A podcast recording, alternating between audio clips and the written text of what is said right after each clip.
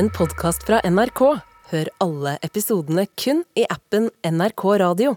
Hei, liker du å høre Ukeslutt som podkast? Da har jeg en viktig beskjed til deg.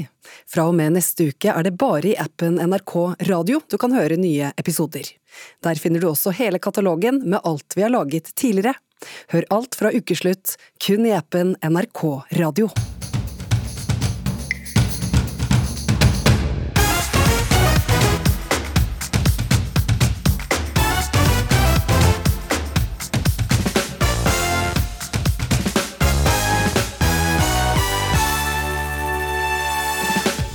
Det tok 500 dager før de fikk unnskyldningen de måtte lenke seg fast for å tvinge fram. Men eh, var det egentlig en unnskyldning, eller bare et slapt sorry? Nei, det tok jo veldig lang tid før den beklagelsen kom. Den satt jo veldig langt inne, for å si det sånn. Nestlederen er som lo-filter i vaskemaskina, til stede uten at noen egentlig bryr seg. Så hvorfor i all verden har både Bård Hoksrud og Tonje Brenna ønska seg en slik posisjon i hvert sitt parti? Vi arrangerer mellomlederkurs i ukeslutt i dag. Og frister det med hele kaloridagsbehovet i én rådyr viral sjokoladebolle? Å, fy søren, hva slags monster er det jeg laget? Jeg velger å kalle den her Kanes frippelsjoko. Oh, wow. Ja, spis og dø tidlig, sier kritiker til ukeslutt, som mener de sjokoladesultne bør ta seg en bolle. Hjertelig velkommen til ukeslutt. Jeg heter Marte Kaasa Arntzen. Én av fem norske kvinner har blitt voldtatt. Det viser en ny forskningsrapport som kom denne uka. Og det er så høye tall at det nesten er vanskelig å tro det. Og da Ukeslutts reporter Natasha Kamanzi gikk ut for å snakke med folk på gata, så var det altså forbausende lett å finne jenter med historier som stemmer med statistikken.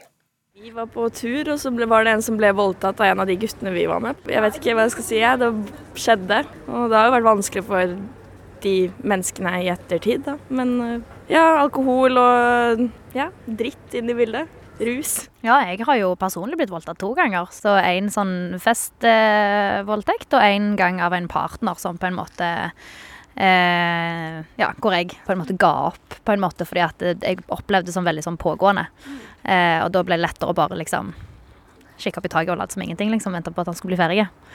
Så det er jo på en måte Og det er jo sånne tilfeller hvor jeg på en måte ikke har innsett i øyeblikket at det var et overgrep. Um, men som jeg på en måte da i samarbeid med gode venner. Jeg har både fått eh, innsett hva det var og identifisert det, og på en måte fått bearbeida det, sånn som for det det faktisk var. Jeg er hjemme fra byen. Jeg ble eh, ført etter og ble eh, trakassert. Men så klarte jeg å dytte den i bakken, og så fløy jeg unna. Jeg har flere venner som har beskrevet det som de betegner som dårlig sex, som jo har vært sex uten samtykke, eller sex der de har kanskje gitt opp å gi samtykke. Eller der de på en måte har hengitt seg til situasjonen i, i ren frykt for sitt eget ve og vel, som jo per definisjon er en voldtekt. Men de er ikke klar over det. Hilde Østby, du er forfatter og skribent. Hvordan er det å høre disse jentene fortelle? På en merkelig måte så blir jeg glad over at de faktisk forteller det, fordi det er det vi må gjøre. Vi må snakke utrolig mye mer om voldtekt. Hva det er og hva det gjør med oss. Og så er det selvfølgelig trist at så mange har opplevd eh, hatt så vonde opplevelser. Men da denne NKVTS-rapporten kom, så ble jeg jo ikke overrasket over tallene. Det var mange som ble det, men dette tallet har jeg på en måte i mitt stille sinn tenkt at det må være 20% og det er 22 i denne nyeste undersøkelsen, da. Mm. Du er jo selv en del av denne statistikken. Hva var det som skjedde med deg? Eh, jeg har opplevd eh, to voldtekter, med 20 års mellomrom. Og det visste ikke jeg før jeg begynte å sette meg inn i forskning og statistikk, at det er kjempevanlig. Det heter reviktimisering, og det er eh, ganske tett knytta til skam. Så jo mer skam man har knytta til det første overgrepet, jo lettere er det at du opplever det til. Og forskerne vet ikke helt hvorfor, eller de jeg har snakket med, vet, kan ikke helt sette fingeren på akkurat hva det er som gjør det. Men første gang jeg ble voldtatt, var jeg 15 år, og det var en voksen mann som eh, ja, voldtok meg. Og så den 20 år seinere så ble jeg med en mann hjem, og han Jeg trodde jeg skulle dø. Og eh, i lang tid etterpå så tenkte jeg at eh, det ikke var en voldtekt. For jeg hadde jo blitt med denne mannen hjem, så det var jo bare en slags arbeidsulykke, nærmest. Eh, inntil jeg begynte å jobbe aktivt med materien fordi jeg skrev en bok som heter Mageboka, og hvor jeg lurte på hvorfor har jeg et så vanskelig forhold til min egen kropp. Og så fant jeg all forskningen som viser sammenhengen mellom spiseforstyrrelser og voldtekter. Så spiseforstyrrelsen min utviklet seg fra jeg var 15 år. Og jeg lever med en spiseforstyrrelse den dag i dag. Det gjør noe med forholdet til kroppen din. Du kan få PTSD. Jeg trodde jo jeg skulle dø på den andre voldtekten, så det var jo en typisk sånn PTSD-situasjon, hvor det ødelegger søvn, tilliten til andre mennesker, du blir ukonsentrert og redd og ikke sant. Det gjør noe med hele Altså ditt selvbilde, da. Du tenker at du er ikke verdt mer enn det. Så det var veldig overraskende når jeg kom inn i den materien og skjønte hvor vanlig dette var. Og hvor van, altså det er jo 22 eh, eh, opplever voldtekt, men halvparten av de opplever det flere ganger. Og, så det er såpass vanlig at vi må snakke, om, snakke mye mer om voldtekt. Det er derfor jeg sitter på radioen og snakker om voldtekt. Hvis vi snakker mer om voldtekt og tar vekk skammen, det er ikke din skyld at du ble voldtatt, så beskytter det deg. Det er en beskyttelse mot at det skal skje igjen. Mm.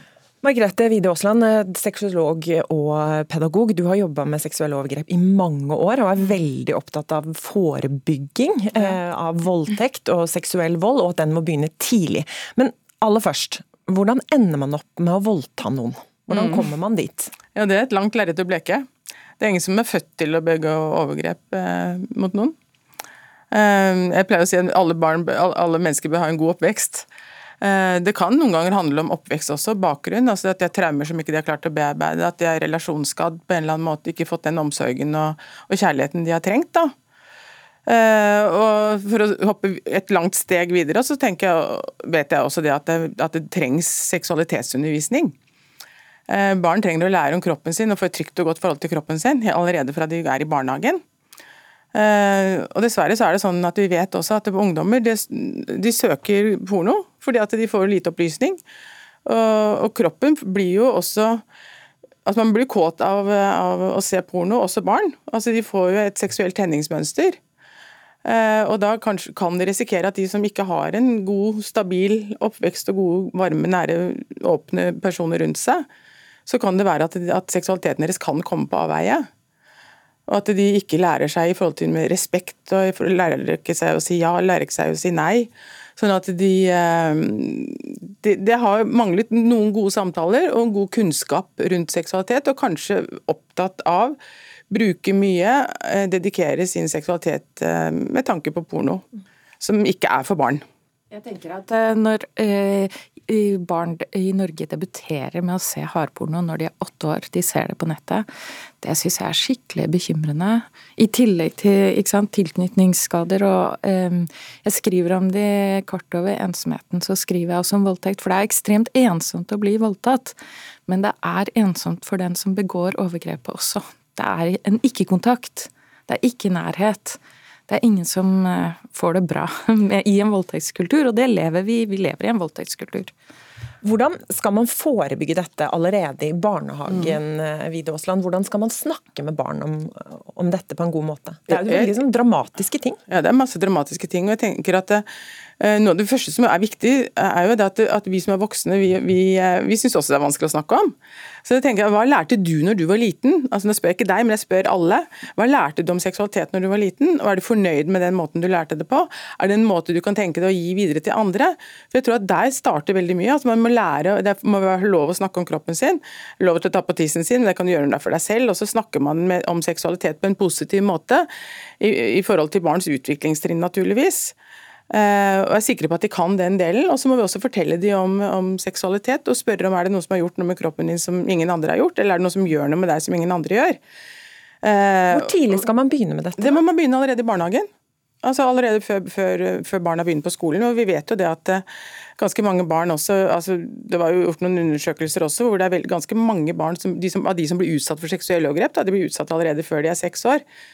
Men det vi også snakker om nå, er jo også sånn voksne folk, da, voksne tenåringer, som har manglende kunnskap. Uh, og Mange spør meg, av de ungdommene som jeg har i terapi, og også når jeg er ute og underviser på skoler, og sånn, spør men hvordan skal jeg vite at hun har lyst? Altså, hvordan skal, ja, hvordan skal du vite at hun, hvis du, hvis du, er i tvil om hun har lyst, så dropp det.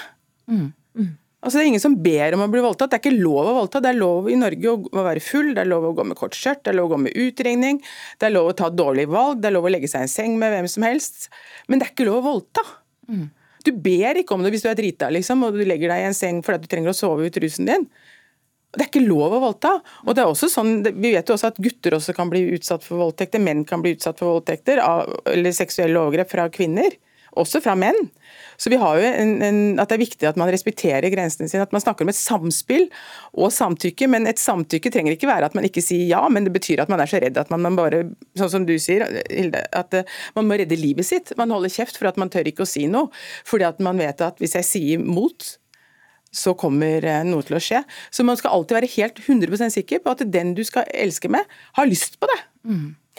Vi skal straks møte her i Ukeslutt to unge gutter på 18 år som er veldig veldig opptatt av nettopp dette, som jobber aktivt med forebygging av voldtekt i et undervisningsopplegg som de har lagd. Margrethe Wide Aasland og Hilde Østby, tusen takk for at dere kom til Ukeslutt.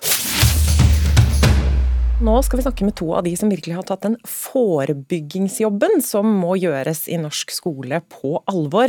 Velkommen til ukeslutt, eh, Rena Smehaldin og Osahon Nusen. Dere er 18 år, og dere er lærlinger som jobber på Drammen videregående skole. Og Før vi begynner å snakke om hva dere driver med der, for jeg er nysgjerrig på undervisningsopplegget, hvordan var det dere opplevde seksualundervisningen da dere gikk på skolen? Ok.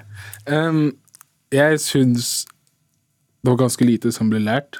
Eh, var, man trengte å bli lært mye mer enn det man forventa, egentlig. Og hva fikk dere høre da? Det vanlige er at ok, du går til et sted, og så tar du en, la oss si en dildo som en enkel forklaring, og så bare putter du på kondom, og så er det alt, og så drar du. Og ja. det er ikke nok. Det er et større tema. ikke sant? Så jeg syns det var ganske slappe på det. Ja, Hva, var det, hva savna du, Renas? Altså, jeg er helt enig med det han sier, eh, og det er ikke bare vår mening. Eh, uansett hvem du spør av folk på vår generasjon, så er det altfor lite om det. Eh, men jeg har vært veldig heldig at jeg har hatt en veldig fin familie da, som var der for meg. Men hadde jeg ikke hatt det, så hadde jeg ikke endt opp bra, liksom.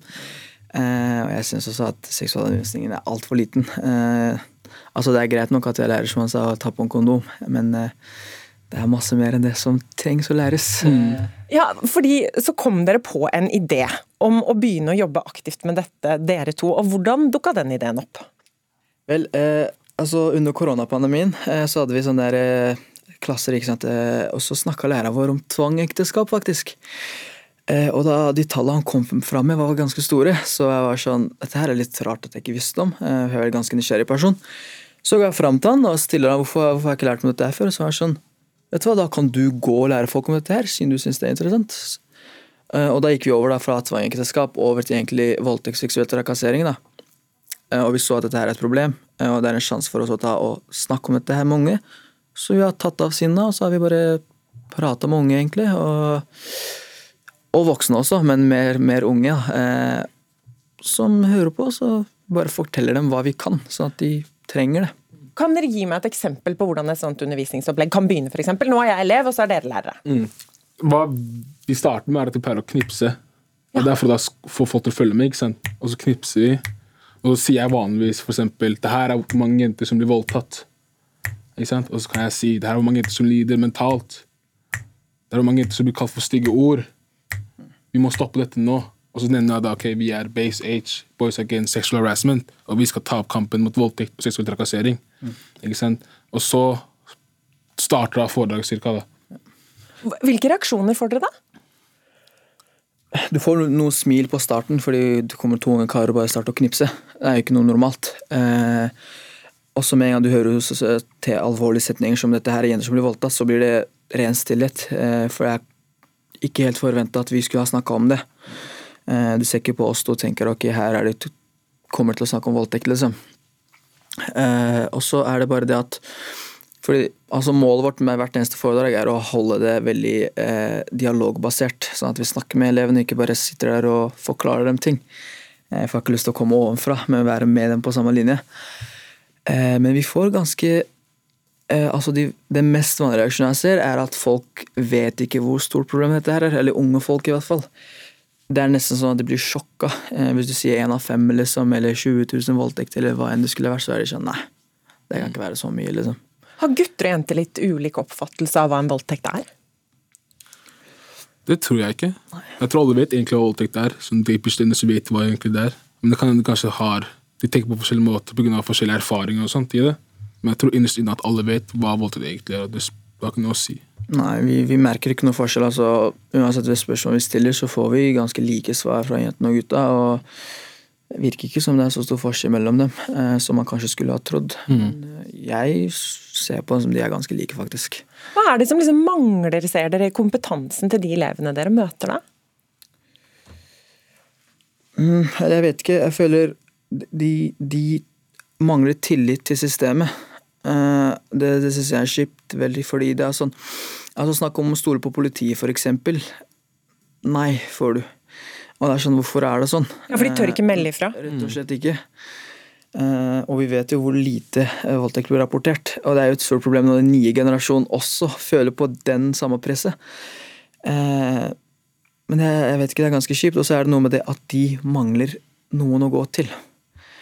For det er fint nok at du har en helsesykepleier på skolen, men jeg tror at folk trenger foreldre som er der for dem. Iallfall når det gjelder sånne temaer som dette her.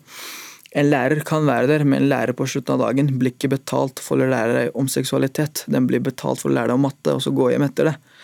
Og den tror jeg mange foreldre glemmer, eh, om at det her er dine barn, det her er ditt ansvar, og du må ta litt initiativ. I hvert fall når det gjelder sånne alvorlige tema som dette her. Eh, og det tror jeg mange, mange ungdommer mangler veldig mye av. Altså en, en Sitte på middagsbordet med mamma, mamma og pappa, liksom, tror jeg mange ungdommer mangler. Hvis dere skal gi noe råd nå, da, hvis det enten er noen ungdommer eller noen mammaer og pappaer som hører på, hvordan kan man starte en sånn samtale? Som han nevnte, da, starte på middagsbordet. Ikke la barna gå til rommene og spise mat. La oss spise mat sammen. Hvis de ikke vil ta opp temaet med en gang, så spør hvordan hadde dere på skolen. Hvordan, hva lærte dere på skolen? Og så ta fram temaet. For det er mange som glemmer det. Og det er ganske, jeg synes det er ganske trist da, at det er et viktig tema, noe man trenger å lære oss når man vokser opp. Så at de bare ikke snakker om det, er veldig ubehagelig for meg.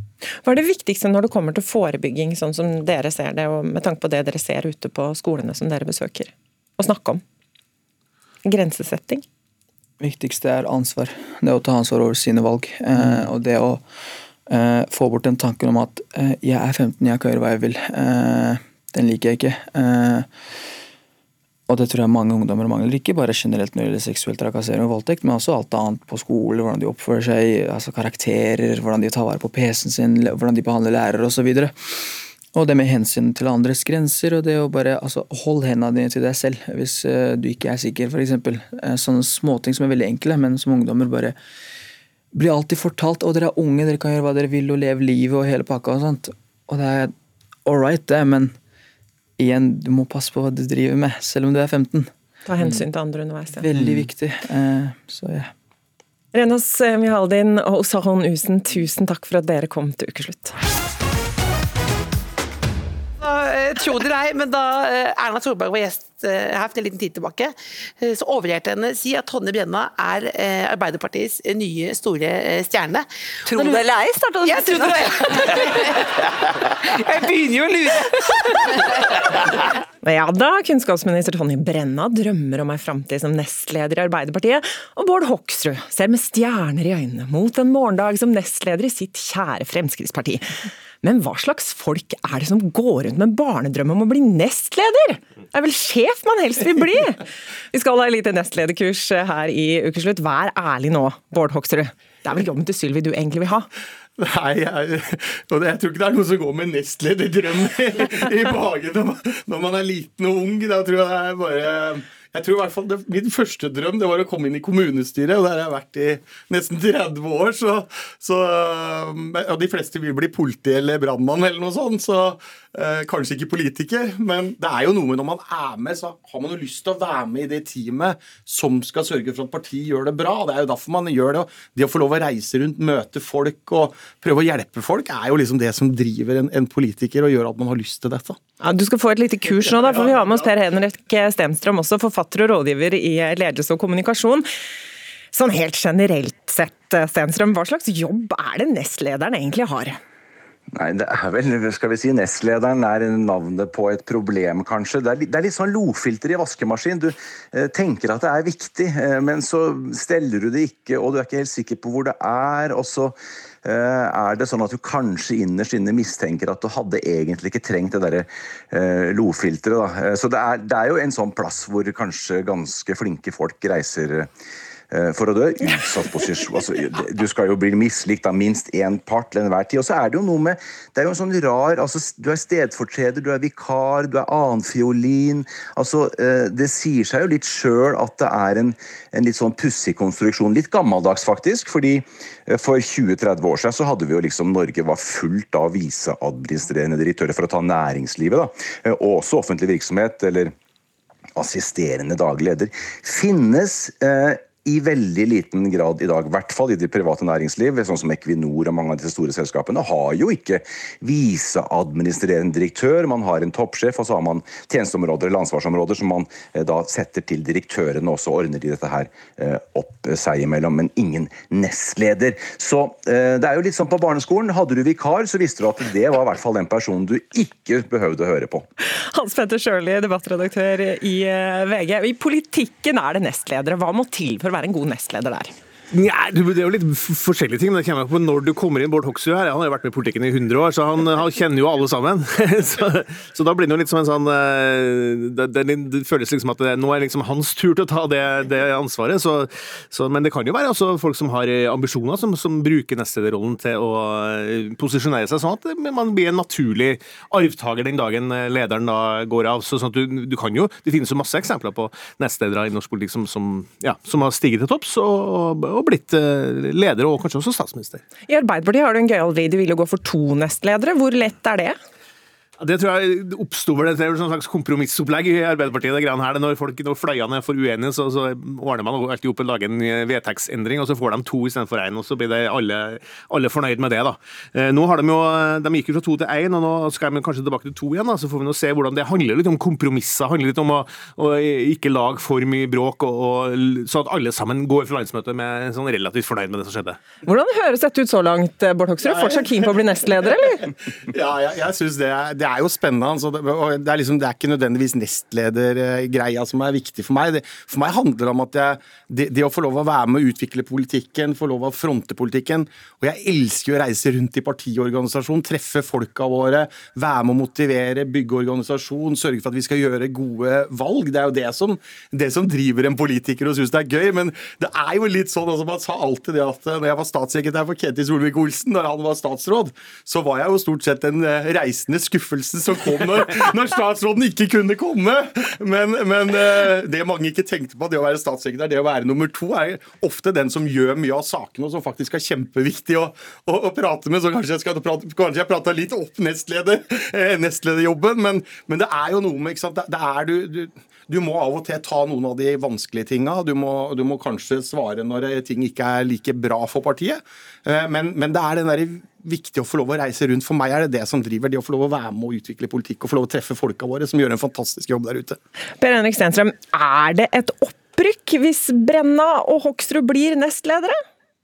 Ja, altså det, det der er jo Nå skal ikke jeg uttale meg om politikken, men sånn eh, hvis vi tar arbeidslivet og næringslivet og ja, skal vi si det offentlige, så er det jo Det er jo en sånn venteposisjon, tenker man, men det er jo ofte Kanskje egentlig oppskriften på å ikke få jobben, da, at det er en garanti for at du nesten ikke da går til topps. fordi det kommer jo så ø, an på hvem du Altså hvordan har du kommet inn? Er det da leder som har valgt deg til å bli nestleder?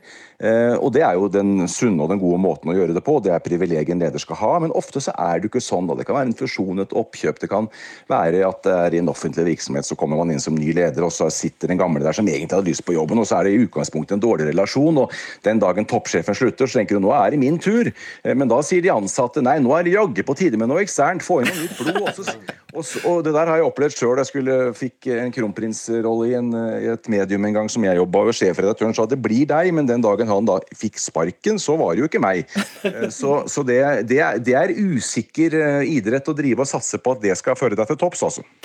Eh, vi må tilbake til politikken og deg, Shirley. fordi Brenna Hoksrud de roses jo begge to for en slags avslappa folkelighet. Hvor viktig er det når du eh, sammenligner de med de lederne de har i sine partier?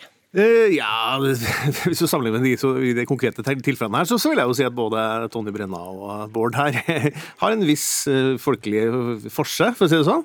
Uh, så det er nok viktig det å være litt sånn eh, Ja, en, en, en som, som utfyller rollen, selvfølgelig, og være, være til stede når, når den og, Men det kan jo også, som Bård Hoksrud sier, at du kan jo også være litt sånn Du blir litt sånn linjemannen i fotballkampen. ikke sant? Du, det- hvis, hvis, hvis partilederen som kommer fra partilederen, er jo den som har mest patina uansett. sant? Også hvis, hvis Sylvi Listhaug blir intervjua Nei, skal vi bli, ble invitert til et lokallag i Frp, så, så kommer Bård i stedet, så kan jo sånn Ja, det er hyggelig, det, men det vi vil jo egentlig ha den som sitter med den ordentlige makta, så det er jo litt sånn.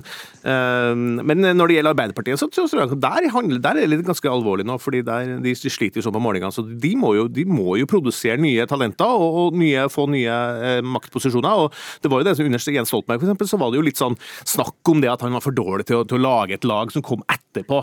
Eh, så, så, sånn sett syns jeg det er spennende å se hva som skjer i Ap da på landsmøtet deres.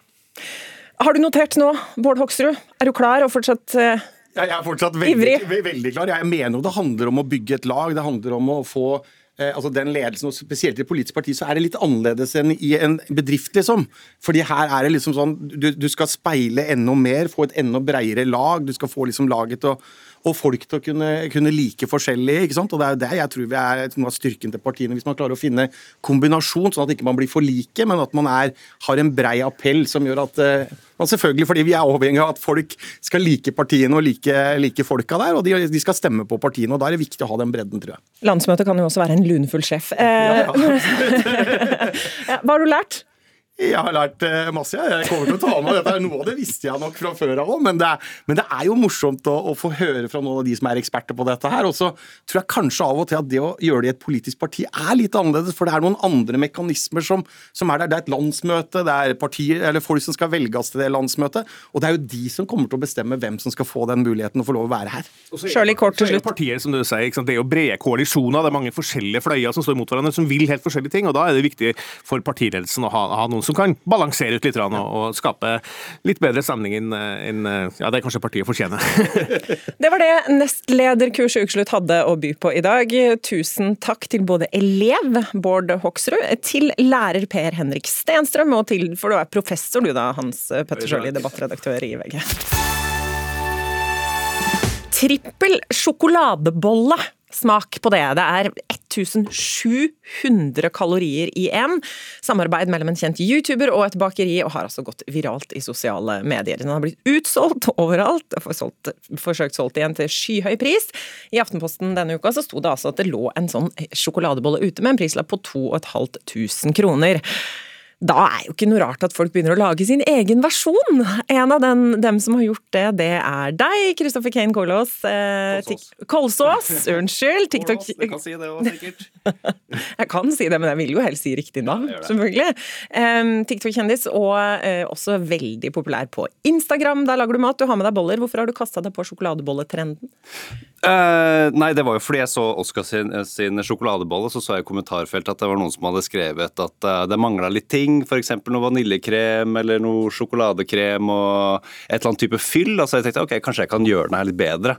Prøve å pimpe den opp litt, da. Og det har du virkelig gjort. Altså, hva er det den inneholder, den der bomba du har med deg Ja, fy søren. Nei, det her er altså en bolle. Japansk, søt japansk melkebolledeig som jeg har fritert. Og så har jeg hatt i uh, knust daim. Og så har jeg hatt i en utrolig god sjokolademos. Og så er det jo da selvfølgelig smelta sjokolade på toppen og revet sjokolade. Det ser litt ut som en sånn der, du har med deg oppi en boks der, det ser litt ut som en lite pinnsvin, egentlig.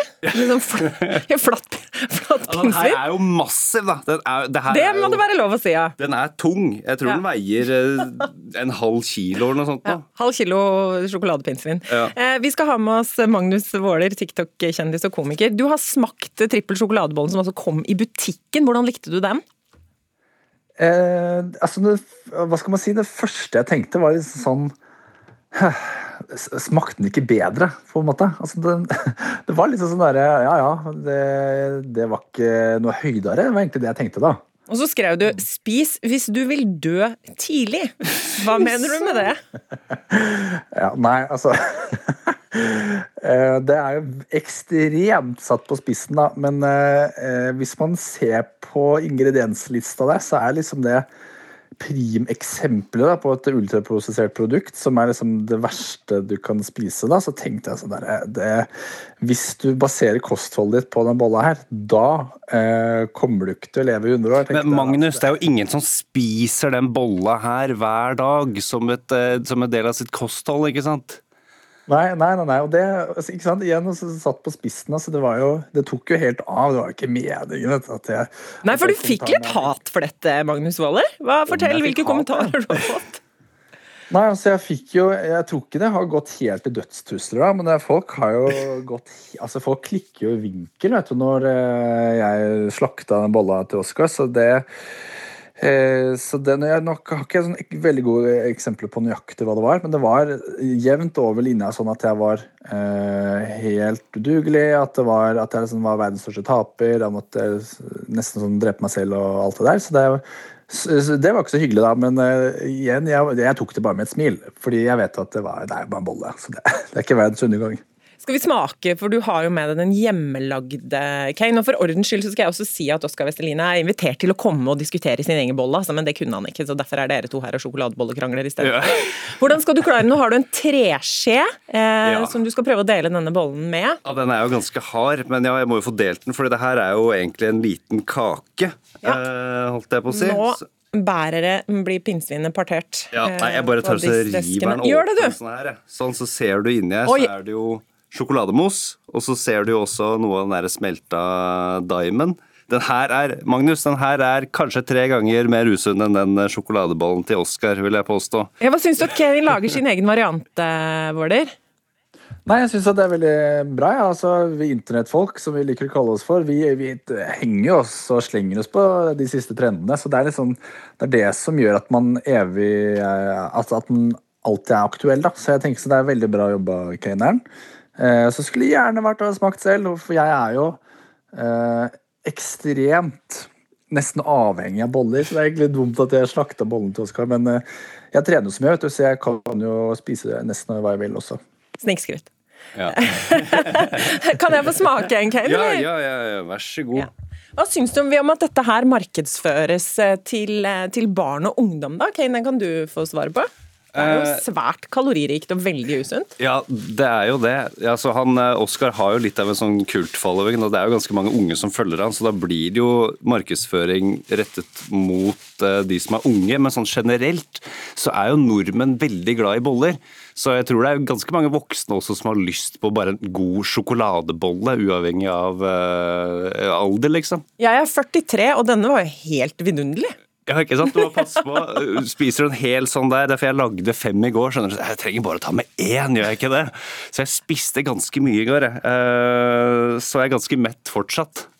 Våler, eh, 2500 kroner for dette på, på Finn, altså, har det kommet rapporter om. Hva er dine tanker rundt det? Eh, Mine tanker rundt det er at eh, hvis man tror at man får solgt de, så er man ganske dum. Og så tenker jeg sånn, hvis du faktisk eh, kjøper den, så er du også ganske dum. Så eh, men- der, er, der er jeg faktisk enig. Der er jeg enig. Ja, ikke sant? blitt- Ja, stor hype rundt det der for eh, bare en helt vanlig sjokoladebolle. Hvor mye koster det å lage de selv, da, Kane? Cirka? Den her blir jo ganske dyr, da. Hvis det har jo brukt mye diamiden og så mye tid, så det er jo ikke en helt vanlig sjokoladebolle. Jeg hadde kanskje solgt den der for Den kunne vært solgt på Aker Brygge for en hundrelapp, sikkert. Ja, Du trenger ikke spise noe før på tre dager, da. Nei, du nei, ikke sant, så kan du deles i fire år i tillegg. Ikke sant. Det er svær. Em, oppfordring til det som uh, vurderer å ta seg en bolle, lage seg en bolle eventuelt uh, på en lørdag, Kane. Ja, nei, Hvis du har muligheten til å lage den bolla som jeg har uh, lagd her, så fortjener du å spise den, for denne her brukte jeg en hel dag på å lage. Ja, ikke sant? Og, og da får du også et budskap til potensielle sjokoladebollespisere på slutten her, da, Magnus Våler. Hva er det for noe? Ikke vær redd for å spise bolle, men hvis det blir eh, en del av kostholdet ditt hver dag, da må du se deg selv i speilet. Hvis du orker å spise en sånn her hver dag, da, da- er du da min du- helt, ja, må jeg bare si. Da Tusen takk til dere begge to for at dere kom på sjokoladebolledebatt i Ukeslutt. La fjella leve! Vardø Aron! La fjella Mens olje- og energiminister Terje Aasland brukte 500 dager uten å få kunnskap om hva som må gjøres med vindmøllene på Fosen, hanka demonstrantene inn full seier i løpet av knappe åtte. Torsdag denne uka ba ministeren om unnskyldning, og i går inviterte statsminister Støre reineierne på frokost. Reporter Kari Li ville finne ut hvordan samene og deres støttespillere kunne være så effektive. Er det du som er Terje? Tror ikke vi kan ta intervjuet her. Det er torsdag, og reineier Terje Haugen har dratt fra Fosen ned til Oslo for å sjekke ståa. Han virker fornøyd. Jeg er fra Namsskogan og til Hjemla bli. Er du som har satt i stand alt det trøbbelet her? Ja, ja, ja, ja. Reineierne på Fosen har ikke hatt så mye å le av siden seieren i Høyesterett for halvannet år siden. Høyesterett sier jo ikke hva som skal, skal skje med disse vindkraftverkene. Men det blir tidvis komisk å høre olje- og energiminister Terje Aasland i debatten tirsdag. Jeg spør deg, så Det er verdens enkleste spørsmål, og det Norge, hele Norge er opptatt av. Mener regjeringen at det foregår et menneskerettighetsbrudd nå? Vi skal umiddelbart sette i verk tiltak som gjør at vi oppfyller det som har vært høyesterettsdommen. og det er det som er En siste gang. Men, men min, min oppgave Jeg skal, eh, jeg skal være på direkten en plass her nå, klokka et eller annet. Så Siden Aasland ikke vedgår noe menneskerettighetsbrudd, er det onsdag duka for nok en dag med rydding av demonstranter for innsatsleder i Oslo-politiet, Tore Barstad.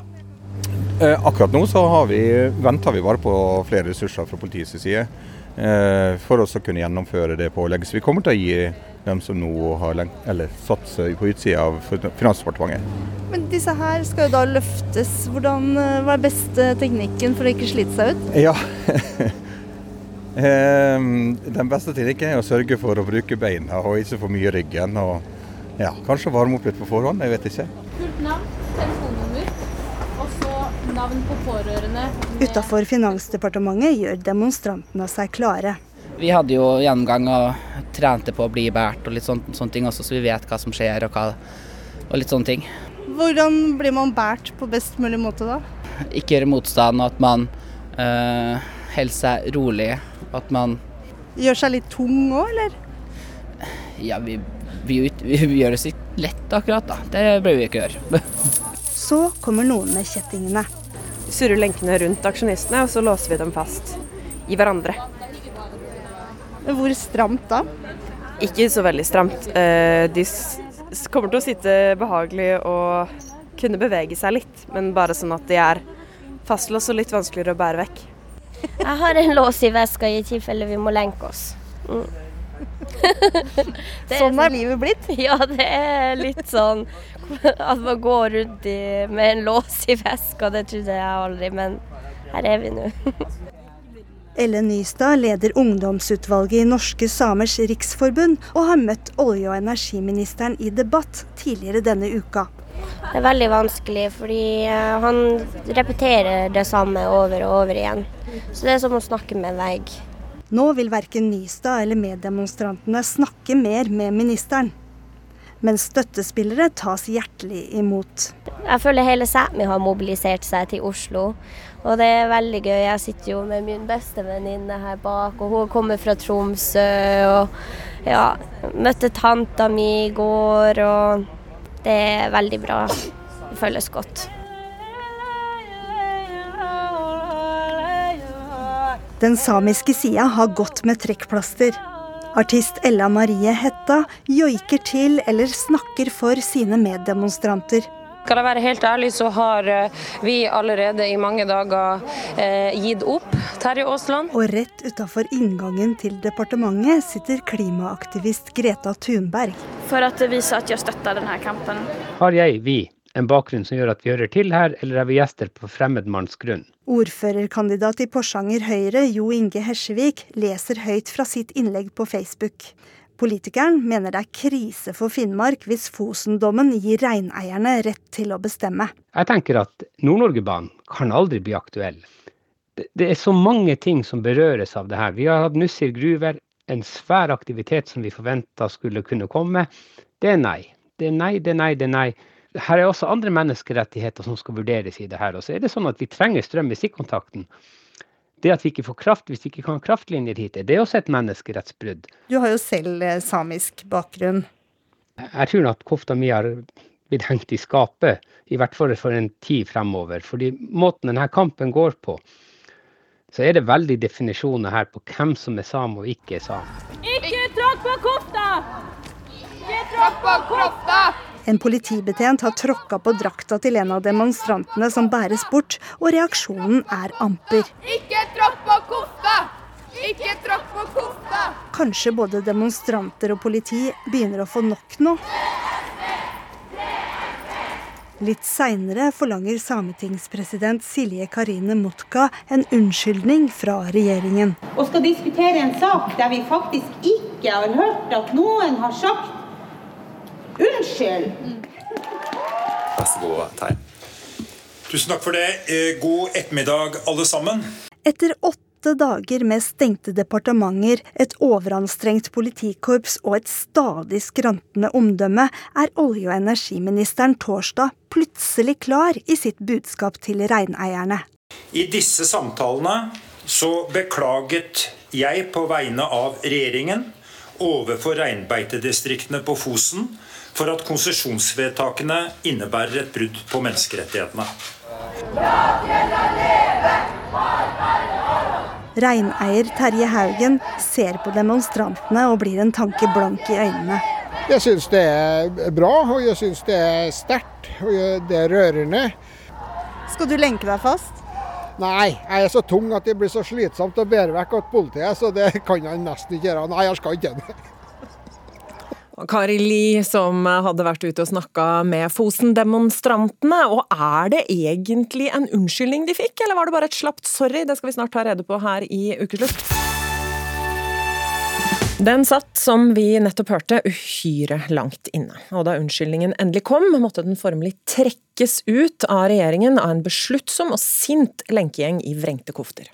Olje- og energiministeren beklager overfor Fosen-samene. Så beklaget jeg på vegne av regjeringen tror jeg er viktige eh, budskap om å formidle den beklagelsen. Beklagelsen som kom fra regjeringa til Fosen-samene i dag, kom litt seint. Det sier Terje Haugen, som er leder i Fosen reinbeitedistrikt. Det skulle ha kommet i hvert fall etter høyesterettsdommen, det er jo klinkende klart. da. Nei, det tok jo veldig lang tid før denne beklagelsen kom. Den satt jo veldig langt inne, for å si det sånn. at Ja, Det var altså på torsdag at olje- og energiminister kunne fortelle av at eh, Han heter forresten Terje Aasland, så fått med det også. Kunne fortelle at han på vegne av regjeringen hadde beklaga til reindriftsdistriktene på Fosen for brudd på menneskerettighetene. Men er en beklagelse en unnskyldning? Vi har spurt språkviter Helene Uri. Det ligger ikke mye dyptfølt eh, ansvar eller ønske om å rette opp i noe i en sånn uttalelse. Eh, og jeg ville jo oppfatte det som sterkere hvis han hadde sagt at han ba om unnskyldning. Og da er det ikke helt på linje med å si sorry, altså. Men, eh, men jeg, jeg syns jo dette er en ganske svak form for å be om tilgivelse eller unnskyldning. Og bare si vi beklager. Astrid Mæland, kommentator i VG. Hvordan vurderer du beklagelsen regjeringen kom med? Et eh, møte som eh, regjeringa har med eh, sametingspresidenten, så sa jo sametingspresidenten at hun var fornøyd med beklagelsen. Og det som skjedde dagen etterpå, var jo at demonstranter som hadde blokkert departementsinngangen rundt om i regjeringskvartalet, avslutta demonstrasjonen. Så på eh, vi vis så må vi vel si at eh, de var fornøyd med beklagelsen. Eh, og den anerkjennelsen av at det var et pågående menneskerettighetsbrudd, som statsminister Støre sa, det tror jeg òg var viktig. Og det var det vi fikk inntrykk av, at mange av demonstrantene som starta for godt over en uke siden, ønska seg først, og mest av alt. Hvorfor tok dette her så innmari lang tid? Nei, Det er et godt spørsmål. Jeg tror de, eh, Hvis vi skal evaluere regjeringa etterpå, så, så skulle det vel ønska seg at de, de sa det allerede eh, på dag én eller dag to. Eh, og kanskje allerede da høyesterettsdommen kom i oktober 2021, hadde vært et riktig tidspunkt, fordi Høyesterett kan man på en måte ikke diskutere med. Eh, Når Høyesterett har, sagt at det er et eh, brudd på menneskerettighetene, så er det det. Og da er det vel på sin plass å beklage, kanskje si unnskyld, som Helene Uri sier her, og, og anerkjenne at det er et brudd på menneskerettighetene, sånn at alle får høre det. Hvordan har de kommet ut av, eh, av denne saken, større Støre-regjeringen? Nei, du, Jeg har inntrykk av at de har blitt halt og dratt. Denne unnskyldninga har blitt halt og dratt ut av dem. De ville jo først ikke eh, beklage. De hadde alle mulige merkelige formuleringer. Støre sa vel ja, midt i uka at det var en beklagelig situasjon, og eh, var vel også inne på at uh, i hvert fall ikke si at det var et pågående menneskerettighetsbrudd, og, og Terje Aasland, energiministeren, ville jo heller ikke beklage i starten, men det som det endte med, var jo at de sa nettopp begge deler. Denne saken har blitt eh, sammenligna med Alta-utbygginga. Der var en annen Ap-regjering som pressa gjennom i sin tid. Og Gro Harlem Brundtland, eh, skriver din eh, kollega Hanne Skartveit i dag, har sagt at det eneste hun angrer på fra sin tid som statsminister, er det. Tror du vi kan ende opp med en angrende Støre pga. Fosen-saken om noen år? Ja, kanskje det. Nå er det litt som dere var inne på i reportasjen før her, at det er mange som har vært borti det her. Det er jo 10-20 eh, år med prosess før vi fikk de vindmøllene opp, og hele det politiske Norge har pressa gjennom eh, de vindmøllene. For fem år siden, ti år siden så var det kjempepopulært å bygge, og tanken på å bygge vindmøller på Fosen var kjempepopulær. Det var vel kanskje nesten bare Reindriftssamene som var imot, som vi fikk høre så vidt om i offentligheten. Så er det nesten hele det politiske etablissementet har vært med på det her. Men vi så jo også eh, Beatrice Fløystad, leder av Norske Samers Riksforbund på Dagsnytt 18, med vrengt kofte i går, da. Eh, og det er jo å skjule disse broderiene en måte å vise sterk protest på. Tror du, hvor tror du veien går videre nå, Astrid Mæland? Ja, Sametingspresidenten sa jo det etter møtet på torsdag med regjeringa at det blir vanskelig. fordi at eh, Hvordan skal man rette opp eh, et pågående menneskerettighetsbrudd? Eh, Sametingspresidenten ville jo ha eh, vindmøllene revet, mens regjeringa har vært helt tydelig hele veien på at de ønsker at vindmøllene skal stå. Så det er jo kjempevanskelig, og det virker på meg nesten som, som de forhandlingene eller møter som har vært i, i, de over 500 dagene som har gått, ikke har brakt i noen vei. Det er tvert om. Posisjonene har blitt mer fastlåst, og de har krangla mer og mer. Så det er akkurat som om de skal starte fra scratch, helt fra starten nå. Eh, med den beklagelsen så er liksom partene villige til å, å, å møtes og, og kanskje komme til noe sammen, men det blir kjempevanskelig. For ordens skyld så har vi også invitert Jonas Gahr Støre til å komme i ukeslutt for å snakke om denne saken i dag, men det har han takka nei til. Så får vi takke pent til deg, politisk kommentator i VG, Astrid Mæland. Hva bør være Norges nasjonaldyr? Det er det mange ulike meninger om. Norges nasjonaldyr. Um, måka. Jeg er jo fra Stavanger, så, og jeg tenker den, eh, den fuglen der har jo på en måte både traumatisert og uh, påvirka store deler av mitt liv og oppvekst. Jeg tenker at uh, måka er jo definitivt en, the quintessential uh, dyret her i Norge. jeg er glad i røyskatt, så jeg vil bare si røyskatt fordi jeg syns de er fine. Jeg syns eh, hund. Fordi alle elsker hunder, og det burde være flere av de overalt, syns jeg. Man snakker mye om elg, da en bjørn eller noe. Det er jo svære dyr, i hvert fall. Jeg syns kanskje at reinen, med tanke på alt som skjer nå med Fosen-samene, at uh, en kan sette litt mer pris på den samiske kulturen. Og uh, ja, anerkjenne dem. Uh, jeg holdt på å si kråke, men det er fordi at jeg blir ofte kalt ei kråke, for jeg snakker som ei kråke. men òg på sånn elgen. Jeg føler den er litt fjern, litt stor, litt, sånn, litt langt oppe i nord. Har ikke helt kontroll. Jeg føler liksom et elg eller måke. Mange gode forslag der. Norges nasjonalzoolog Petter Bøckmann. Men hvilket dyr er det som egentlig er Norges nasjonaldyr? Ja, Du kler den tittelen, syns du, eller? Eh, vel, det, det, finnes jo flere av oss. Uh, nå, uh, det er jo ikke første gang folk har spurt seg spørsmål om hva som er nasjonal ditt og datt. Uh, sist gang vi hadde en stor runde på det, det var da jeg var guttunge, sånn på 80-tallet. Og da var det Nitimen. Den gangen hørte jo alle på radio. Så da var det Kjell Tue som utlyste Norges nasjonal ditt og datt. Og når han sa nasjonal dyr, så mente han nok nasjonal pattedyr. Om da var det elgen som ble kåret. Ingen over, ingen ved siden. Ja, men det er jo flere som vil ta skogens konge ned fra, fra tronen. Og nylig så var det en villreinsforsker som utnevnte villreinen til Norges eh, nye nasjonaldyr. Har vi en konge, ny konge på plass? Ja, men Han er selvfølgelig hjertelig velkommen til å utrope hvem som helst til konge. Spørsmålet er bare om tinget velger å ta ham seriøst. Tinget i dette tilfellet her blir jo da folkedypet, alle radiolytterne. Uh, elgen ligger nok kanskje litt bedre an, for den er litt større og så har den har liksom så fin krone sånn fra naturen sånn. Det er det største landpattedyret vi har her til lands. Jeg tror det skal litt mer til enn det for å vippe elgen av tronen. Vi er jo veldig glad i sånne nasjonaldyrkåringer åpenbart i dette landet her. I en nettartikkel på nrk.no nå så kan du stemme på ditt favorittdyr, enten det er da villrein, elg, fjordhest, lemen, sølvrev osv.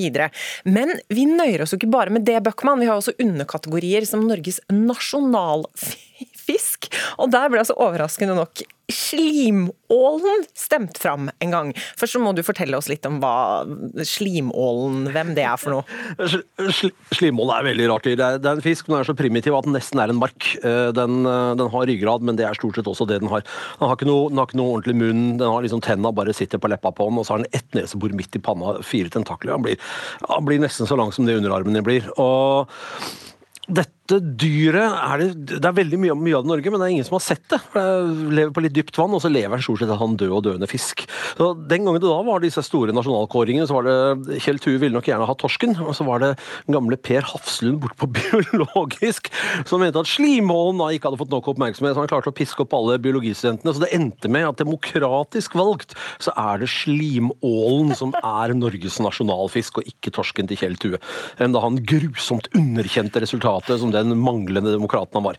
Men, eh, men Slimånen er jo et dyr som i den grad du ser den, så er det fordi garnet ditt har stått for lenge i sjøen. og du kan tenke Hvis du drar opp garn og så følger du med en torsk som er Den ser helt dau ut, men så beveger den på seg likevel. Litt sånn zombie-torsk. Uh, og det som har skjedd, er at slimhalen har gått løs på denne fisken. Uh, gjerne på de mykeste bitene, gjerne gått inn gatten eller inn gjennom øyet eller noe sånt. Gravd seg inn, en hel haug av dem, sånn at det er i bunnen rundt bare torskeskinnet og beingrinda igjen. Så når du da ser at den beveger på seg, så er det egentlig alle slimålene inni som beveger på seg, spretter den opp, så bare hvelver det ut sånn, sånn, sånn, sånn litt rosa mark, nærmest. Og så er det, sitter du igjen med en tom fisk. Det er slimålen. Vår venn slimålen. Og vårt nasjonaldyr, da. Demok nasjonalfisk, demokratisk eh, stemte frem. Men Hans Majestet Fisken. Eller Hennes Majestet Fisken, det er jo 50-50 av dem. Og Hvis det kommer en ny kåring, Petter Bøckmann, hva hadde du stemt på da? Slimål eller torsk? Vet du hva, Jeg må innrømme at jeg har litt sans for, eh, for eh, gamle Hafslund og argumentasjonen. Altså, Jeg ville nok faktisk stemt på Slimålen. Jeg har da i motsetning til rekke andre mennesker spist slimål. Uh, og den, Jeg skal ikke ljuge og påstå at den smaker fryktelig godt, men den er også etenes. Ja, den er etenes. Ok, du får kose deg med det du, Petter Bøckmann. Slimål i helgen. Riktig god slimete helg, og takk for at du var med i Ukeslutt. Bare hyggelig. Karina Dahl er god på mye rart, men hun er kanskje aller, aller best på timing. Jeg er god på så mye, men jeg vet hva jeg kan, og jeg er best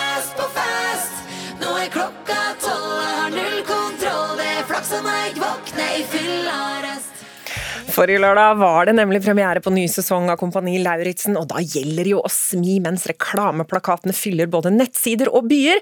En av soldatene som slapp ei splitter ny låt som vi hørte bitte lite grann av her samtidig, det var jo deg det, artist Karina Dahl. Hvor mye drahjelp har du fått av lansering av at du er med i Kompani Lauritzen? Jeg har holdt på med det her i 15 år, 17 år kanskje, og jeg har jo veldig mange ganger prøvd å time ting før uten at det har hatt en sånn suksess som det har eh, blitt nå. da. Så jeg tror nok ikke at det er pga. at jeg er på Kompani Lauritzen at den her har eh, nikka inn på en syvendeplass på Spotify. Det, jeg kunne ha sluppet Lisa gikk til skolen liksom, og vært med på Kompani. Jeg tror ikke den har vært på, på topplista av den grunn. Så ja, timing, selvfølgelig. Det er ikke tilfeldig at vi slipper den låten her samme uke. Men eh, suksessfaktoren ligger nok ikke der. Det er nok en låt som klaffa, og det var jo flaks.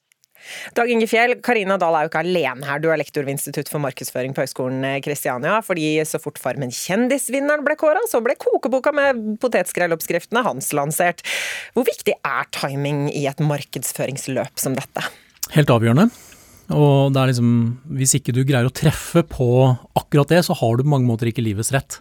Ikke sant? Så du må, Det er som eh, skihoppere, altså du må treffe på den hoppkanten. Hvis ikke så kan du gå riktig ille over kulen.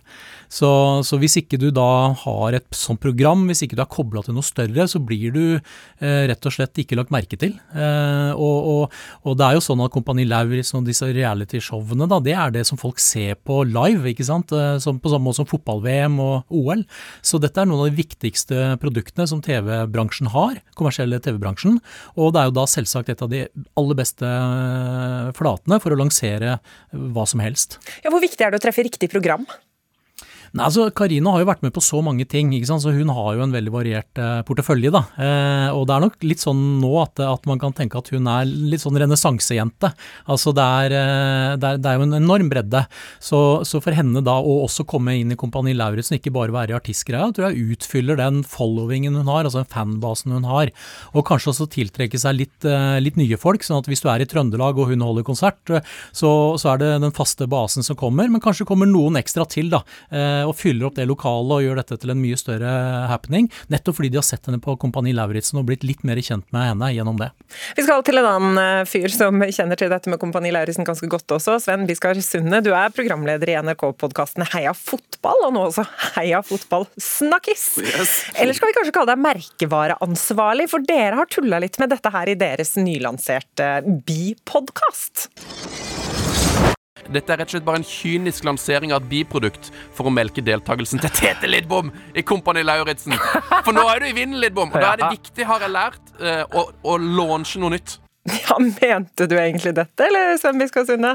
Uh, ja, altså, jeg, jeg, mente jo at det var en veldig god idé å lansere uh, Heia fotball snakkes akkurat nå som han er på vei inn i Kompani Lauritzen. Um, og jeg er jo ikke noe kjent, så jeg må jo på en måte bare bruke han. Så, Men Hvordan har du merka at Tete er med i Kompani Lauritzen, da? Ja, altså, Kompani Lauritzen er jo et uh, praktverk i, i reklame, på, på, reklameskolen, vil jeg si. det, det hagler jo med oppdateringer på Instagram og bilde og video. og veldig sånn velregisserte ting som ofte slippes samtidig, hvor det står sånn Jeg visste jo når premieredatoen var for sikkert åtte uker siden, føles det om. Det har jo vært uke etter uke med masse, masse sånn eh, promokjør. Så jeg merker jo mest det at han er, han er veldig, veldig synlig, da. Og at han og alle andre som er med i Kompani Lauritzen, dukker opp overalt eh, akkurat nå.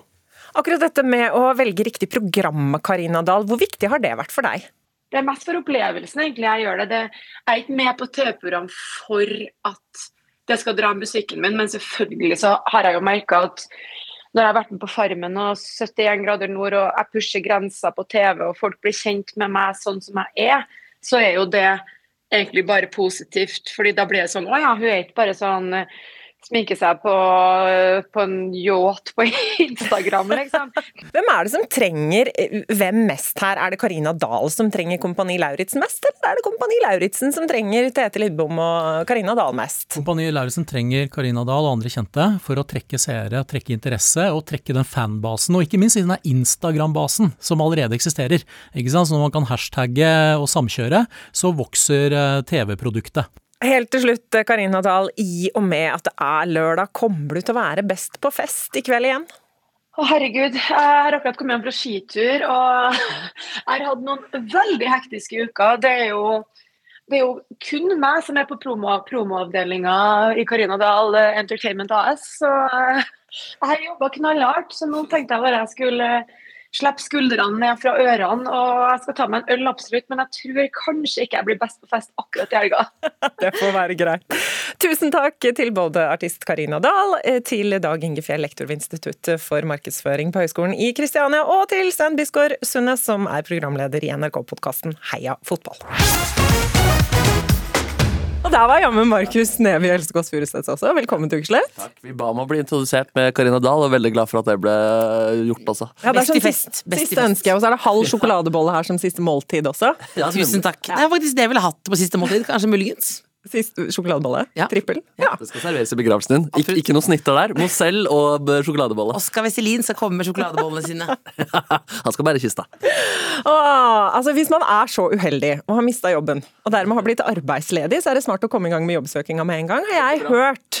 Eh, og da lurer jeg på dere to, det er ikke tilfeldig at jeg inviterer dere til å snakke om akkurat dette. Eh, er det lurt å disse sjefen ganske solid før man går ut døra? Og velkommen til det som faktisk er den aller siste Kåss til kveld-sendingen noensinne. Derfor vil jeg også at de fine folka i ledelsen skal få lov til å si noen kloke ord om hvorfor de legger oss ned. Jeg har for øvrig veldig stor respekt for deres avgjørelse. Vær så god.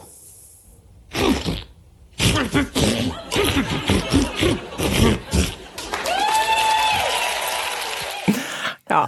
Til tross for klager til Kringkastingsrådet, seerprotester og støtte fra absolutt hele Kjendis-Norge, så er det livets aller siste Kåss til kvelds på NRK1 21.30 i kveld. Så skal vi begynne med å gå gjennom CV-en, eller? Skal jeg være litt sånn Nav-kontor for dere? Rett, på CV? Ja. Vi må bare si at selv om det er da eh, Gravøl er i studio og siste festen, så blir det en festkveld. Eh, Rett og slett. Eh, Vi er en av de, iallfall jeg, da, ville hatt eh, Freddy Kalas og Karina Dahl i begravelsen, så det får nå blitt så alvorlig stemning her. Ja. Det, det blir det. Men CV-en, da? Vi kan begynne med Markus sin CV der. også, vi også si at vi er, så Dette hjelper oss med å innse at det er siste sending, fordi vi er jo begge i en litt sånn fornektelsesfase. så Ikke har tatt det inn over oss. Vi fikk mail i går faktisk om at nå skal den dekoren, de boblene, den veggen i bakgrunnen, den skal skrotes. Og da sa Else og jeg kan vi få den, så vi må nå finne et lager hvor vi skal oppbevare der. Og kanskje blir noe Instagram Live derfra. Det blir, det blir dritdyrt, så det er en dårlig idé. Det siste leiligheten min trenger. Jeg tenkte jeg bare skulle ha det, så nå skal jeg ha talkshow-studio. Fornektelsens vegg. I, i sofaen. Du har jo den der McDonald's-buen der fra før. Eh, Men litt sånn seriøst, da. Fordi at eh, Har dere gått gjennom CV-en deres? Nå har dere jo en lite opphold her før dere skal begynne på et nytt prosjekt her i NRK. Ja. Det var lurt å bruke den til noe fornuftig. Det er sikkert Nei, litt for lite Altså, styrker og svakheter er du, du, du, Ja, jeg vil dit, jeg vil dit. En, en svakhet er, kan være kon, konfliktsky, ubehagelig med vanskelige samtaler. Så Sist jeg slutta i en jobb, eh, da jobba jeg som telefonselger eh, eh, som 18-åring, eh, syntes det var så ubehagelig å si fra om det, så min løsning på det ble at når sjefen var på kontoret, så tok jeg på jakka og sprinta ut av eh, lokalet. Eh, unngikk samtalen, unngikk å ta telefonen når han da ringte deretter. Eh, veldig dumt at dette kontoret var vegg i vegg med der jeg bodde, så jeg måtte alltid gå en omvei når jeg skulle møte andre folk og sånne type ting. Så det prøver jeg å lære litt av, men uh, mild konfliktskyhet, eller eventuelt stor konfliktskyhet, er en svak side jeg har. Men det er også en ganske pen, svak side, da. Det er litt som å si sånn Å, jeg jobber for mye, jeg. Jeg kan ikke, jeg, ikke, jeg jobber nesten for mye. Men jeg, men jeg vil si, jeg, jeg kan komme med noe det dårligste på meg. Nei, på, på meg sjøl. jeg, eh, det sto vel noe på Workplace, eh, altså intranettet til NRK, at eh, Kåss til kveld skulle legges ned. Det fikk ikke jeg lest, eh, for jeg har ikke klart å logge meg på intranett. Jeg kjører fortsatt eh, eh, internett fra min egen mobil, eh, og klarer ikke å, skrive inn hvem som er mine pårørende. Eh, så rett og slett eh, teknisk svak, da. Eh, kan ikke touch. Det er, Ja, det- Å se meg skrive manus er som å se meg hogge ut treskjæring eh, i en eik. Ja, det er veldig artig, fordi vi har, Når vi har skrevet manus sånn, til Kåss i kveld, så sitter vi på et sånt internt dokument, så vi kan sitte hjemme og så ser vi at hverandre jobber. Da er det herlig å se Else jobbe med ord etter ord, og det tastes og tastes, og da pleide jeg alltid å lime inn et uh, herlig eh, stå-på-bilde Else, uh, av Else for å, for å heie henne gjennom det dokumentet der. da. Nei, men av altså, ekte vonde, altså sånn negative utover teknisk svakhet. Du, eh, du er ikke konfliktsky. Else kan jo også ty til, hvis hun er uenig i noe, eh, fysisk vold. Og det er ikke så bra. Fysisk vold. Fysisk vold? Slår Skal du virkelig gjøre det til en ekte program? Er det drøm? Er det mareritt? Jeg trodde det skulle være hyggelig, vi skulle mimre litt. Gode minner. Og så bare kommer det Hvem er dere? Altså, kan vi ikke ty til vold? Så det var bare Jo, sånn nei, men, jeg kan, jeg kan, men jeg har også fått klager i ulike produksjoner i NRK om for høy parfymebruk. Ja. Ja. Ja. Det, det, det Der var Markus kjapt, ja. Ja, jeg kan godt eh, fylle på med deg. Jeg syns nesten det er lettere. Ja. Nei, men fordi det, det Else er, fordi hun kan, hun kan tulle mye med at hun er ikke musikalsk og ikke kan danse og sånne type ting. Men det som egentlig er greia med at Else, hun, når hun får en beskjed om noe sånt hun skal gjøre, eh, som en koreografi eller noe musikk, så er det sånn hun vil det så mye at hjernen hennes bare eksploderer. Så hvis det er en sånn der koreografi da, hvor alle, du skal gå tre skritt til høyre, det skjønner alle. Tre skritt til høyre, det, det klarer Else å gå tre skritt til høyre, men når hun får den beskjeden, så går hun fire eller to eller, eller syv. Fordi det er så mye vilje. Du vil så veldig. Ja, det er overtenning, ja. Ja, ja. Ja, så, det er som, så innenfor andre vanlige arbeidsplasser så kan verken Markus eller jeg fungere særdeles godt. Nei, det var det, ikke sant. Et annet sånn jobbintervjuspørsmål er jo typisk stolteste øyeblikk. Kåss til kvelds. Stolteste øyeblikk. Jeg vil si eh, det mest eh, dramatiske øyeblikket var da eh, Morten Hegseth og Lilly Bendriss begynte å kline. Program tre. Og det var den dagen Norge ble stengt ned. Eh, Så det måtte vi klippe bort, faktisk. For vi gikk jo da rykter eh, Vi følte selv at det var vi som hadde startet pandemien. Altså At coviden kom ut av eh, åndemunnen til Lilly Lilly Bendriss Bendriss. hadde vært på afterski i Sveits og tok med seg det inn i leppene Altså, til det, Morten så det, det fikk ingen se noensinne. Men hvorfor ble du stolt av det? Nei, det mest dramatiske. Å ja, oh, ja, jeg, jeg, jeg, jeg la bort litt Det er en spørsmål. annen svakhet vi har. Vi svarer ikke på spørsmål. Det er en annen svakhet. gjør ikke det. Ja, men det var også ganske spennende for å fylle opp for å ikke svare på spørsmålet ditt ærlig. Fra samme sending så åpner vi sendingen rett og slett fordi vi ville liksom starte eh, en familie og lage, et, eh, lage en sånn gjeng da med seerne. Så vi inviterte rett og slett alle seerne inn på fest. Altså Sendingen gikk på lørdag. I morgen søndag, kom på fest, møt opp. Vi mener det, her er adresse. Vi vil se dere der. Eh, og så kom jo da covid i mellomtiden der, så vi måtte ta sånn rulletekst over skjermen. Vi er ikke idioter. vi har fått med oss at det er en pandemi. Eh, vi er på vei. Nei, men stolteste øyeblikk, da, da Norge åpna opp igjen, så, så fikk vi jo til en eh, Så lagde vi en sånn feiring, en sånn gjenåpningsmusikal, hvor vi, eh, hvor vi bare fordi vi kunne, fikk inn så mange gjester vi kunne få inn i studio på en gang. Og vi fikk inn Bent Høie som hadde noe grove rim om hva man kunne gjøre. Vi fikk inn liksom Egil Drillo Olsen til å være med på et musikalnummer sammen med Staysman og Mari Maurstad. Eh, så det, var, det føltes som en herlig feiring. Det litt leie ved det var at Norge ble stengt igjen etter to uker. så, så De klarte den tre skritt. Altså, all rosen her går til Lisa og sjøl, rett og slett. Vi er Ja, det- inne i noe Vi er inne Ja. i både benektelse og voldsom selvinnsikt her. En sånn selvdestruktiv fase etter at uh... Ja, det er- det er sagt av en selvdestruktive, Dette ble og- ikke et jobbintervju, dette ble mer som en Tinder-date hvor ingen skal møtes igjen. Hvor god er du til å gjette på sånne maskerte sanger og sånn, da? For det har jeg lest noe om på Se og Hør at du skal drive med, Else. Om jeg, om jeg skal gjette på det? Mm. Ja, det? Det har jeg også lest. Jeg leste, leste også på, på Se og Hør at jeg ikke har brukt eh, stekeovnen på 20 år. Eh, og det stemmer jo ikke. Eh, Det er 15 år, faktisk. Det kan du sette på Eh, men, men, men det er bare å tippe Det er bare å tippe Hvis man skulle gjort det, så er det bare å tippe Markus Neby i, i hvilken som helst posisjon. Ja, det var veldig Else, Else var gjestedommer i Maskorama i fjor, og til tross for at Else hadde sett meg en lørdag kveld under Maskorama, så allikevel så på en måte trodde du at det var noe for å lure deg, eller et eller annet sånt. Så, Jeg tror, men jeg tror nesten nå alt er skjult kamera. Da vi fikk sparken, så snudde jeg meg og tenkte jeg sånn Nei, men dette, er for drøyt, folkens. Du kan ikke gi oss sparken, det er skjult kamera. Og så var jeg sånn Nei, det er, det er ikke det. Vi, vi vil ikke ha det lenger. Nei, det, det, det, og det er jo fordi du en gang satte opp et skjult kamera hvor jeg fikk beskjed om at jeg skulle byttes ut med Stian Blipp. Så det er ikke så rart. Jeg har vært i et sånt nedleggelsesmøte før. Og det er derfor vi virker rare nå også. Første gangen jeg fikk evaluering på NRK også, da var det også skjult kamera. Eh, så det, er- det er jo en Det er ikke rart at dere er litt skada. Vi er skada, og det er også en svakhet. eh, Også litt sånn eh, Else, hun, eh, hun, hun vekket meg også. Det, det har satt som en ekte grense. Hjemmet mitt, det, det må være en backstage. Eh, der skal det ikke filmes. Og så kommer hun dagen etter siste sending eh, i fjor da, eh, og vekker meg klokka fem etter vi har vært på Syng, og sånn som alle i mediebransjen gjør. Synger det ut på Syng. eh, mens jeg er eh, drittrøtt, rett og slett. Og kommer inn der og lager show, da. Så i morgen tidlig så kommer jeg med skjult kamera utenfor kringkastingssjefens bolig. Kanskje det er det vi skal gjøre? Lykke til. Lykke til. Vi gleder oss. Det høres ut som en trussel. Nei, nei, nei. Vi er er gladlakser. Vi er traumatiserte gladlakser, men vi er gladlakser. Else Kåss. Ja. Furuseth og Markus Neby. Tusen takk for at dere kom til dette litt improviserte Nav-kontoret her, som også er uker nå. Nei, dere får ikke jobb, sorry. Beklager, ass. Litt for svak og dysj. Så tydelig nei. Men jeg gleder meg veldig til å se den siste. Ikke jobb her da. Det blir en koselig kveld. Takk skal dere ha. Ha takk. Lykke til. Jeg tar bollen. Hei.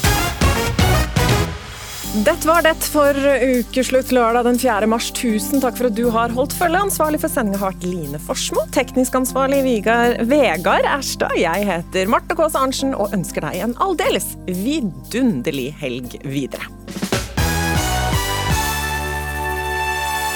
Du har hørt en podkast fra NRK. Hør alle episodene kun i appen NRK Radio.